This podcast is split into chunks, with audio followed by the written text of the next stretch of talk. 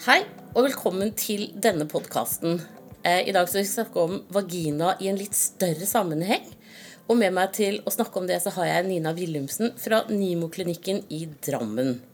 Men, men sånn i forhold til kvinner som har født og har litt sånn fødsels... Altså plager eh, etter fødsel. Noe som liksom samlet betegner liksom mammakroppen. Ja. Eh, men nå snakker vi om liksom underlivet. Eh, jeg får jo en del spørsmål på Alt for mamma om at folk føler at det henger noe hele tiden ned i skjeden. Eh, er det sånn som laser kan hjelpe på? Absolutt. eh, Og der er vi jo litt forsiktige i den første fasen. I hvert fall frem til fire måneder. Ja. Eh, Men etter det så er det anbefalt eh, å kunne bruke laser både for å redusere lekkasje, men også for å stramme opp. ja. Og da er vevet veldig mottagelig for laserbehandling, har det vist seg. Så bra. Tenker Det er jo lurt at dere venter fire måneder, for det er jo det kroppen tar til å tilbakedannes. Men etter fire måneder, hvis man fortsatt da er plaget, så kan man begynne å tenke behandling. Ja, og da tenker jo vi eh, i første omgang bare én behandling. Ja. For vevet er veldig mottagelig i denne fasen. Både for knipeøvelser, men også for laser. Så vi prøver jo å jobbe med kvinnens motivasjon til å knipe og trene på det også, men ofte så får de ikke helt det til. Eh, Så da vil laserbehandling kunne hjelpe på de som har en følelse av at det er for hvitt, ubehagelig ved samleie osv. Og du, og du snakket også om det med luft fra skjeden. Ja. Garulitas, eh, det er en eh, plagsom tilstand hvor det kommer ufrivillig luft fra skjeden eh, når man setter seg eller reiser seg f.eks. og kan bli sosialt ganske skjemmende. Ja. Det lukter jo ingenting, men alle hører det. Ja. Og det er fordi at det blir for vide forhold øverst i skjeden hvor det samler seg luft. Og det kan også laserbehandlingen hjelpe på at det strammer seg. ja. Og det samme da med en sånn in urininkontinens. Så vil det også kunne hjelpe i forhold til det. Ja, absolutt. Og mange sliter jo med det i lang tid etter fødsel, og noen blir aldri bra. Ja. Eh, Så da kan man prøve en sånn laserbehandling én til tre ganger og se om det eh, kan hjelpe på lekkasjen. Ikke sant? Og det med tørre slimhinner, det er det jo mange som har også etter fødsel, og i hvert fall så lenge de ammer. Og jeg har jo til og med hatt damer på, som spør meg på Alt for mamma om de burde slutte å amme for å få tilbake slimhinnene sine. Det syns jeg er litt drøyt. Man må amme så lenge man skal. Men vil f.eks. laser da kunne hjulpet i en sånn mellomfase?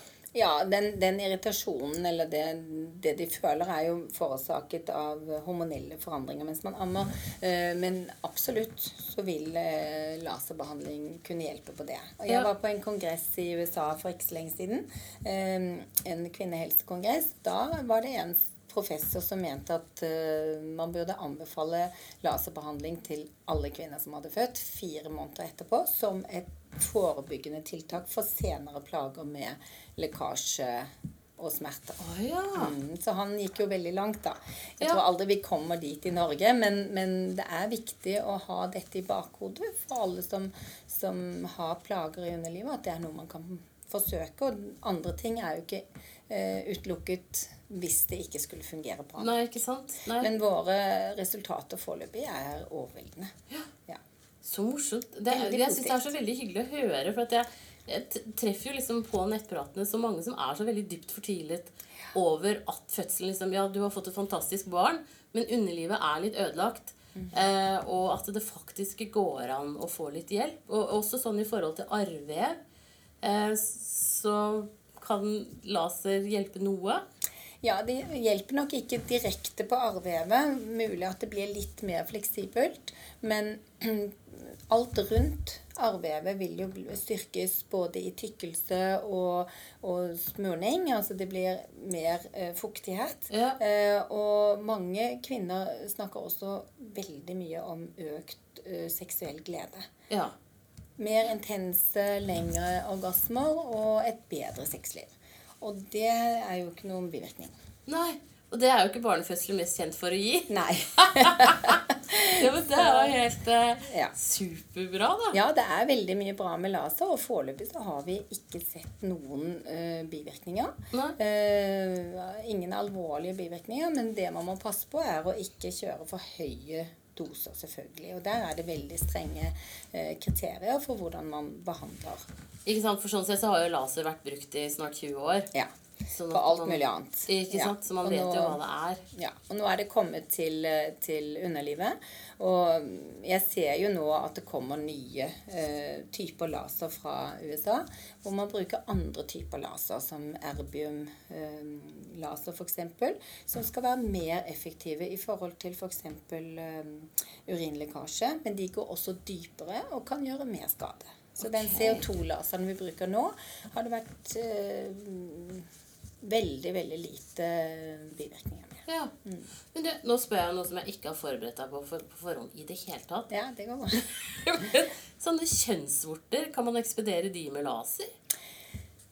Det har ikke vært gjort, så vidt jeg vet. Nei. Men, eh, men eh, Ikke denne type laser, men hvis det er veldig utbredte kjønnsvorter, Ja. så har man jo brukt laser på sykehus. Ja, for jeg tenker i og med all den fokuset som det er på HPV-virus nå, Ja. Mm. og, sånn, at det er jo klart at noen, noen har det jo. Ja.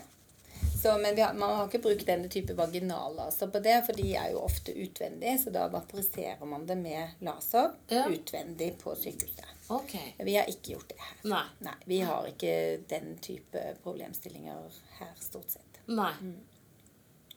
Ja, nei, men du, da, jeg syns jeg har lært masse mer jeg nå. Så bra. Tusen takk til deg, Nina Willumsen fra Nimo-klinikken i Drammen, som driver med mye rart innen helse, kvinnehelse. Vi, vi skal ha flere episoder. Ja, så hyggelig. Jeg brenner for kvinnehelse, vet du. Veldig bra. Vi trenger det. Ja, Tusen takk. bare hyggelig.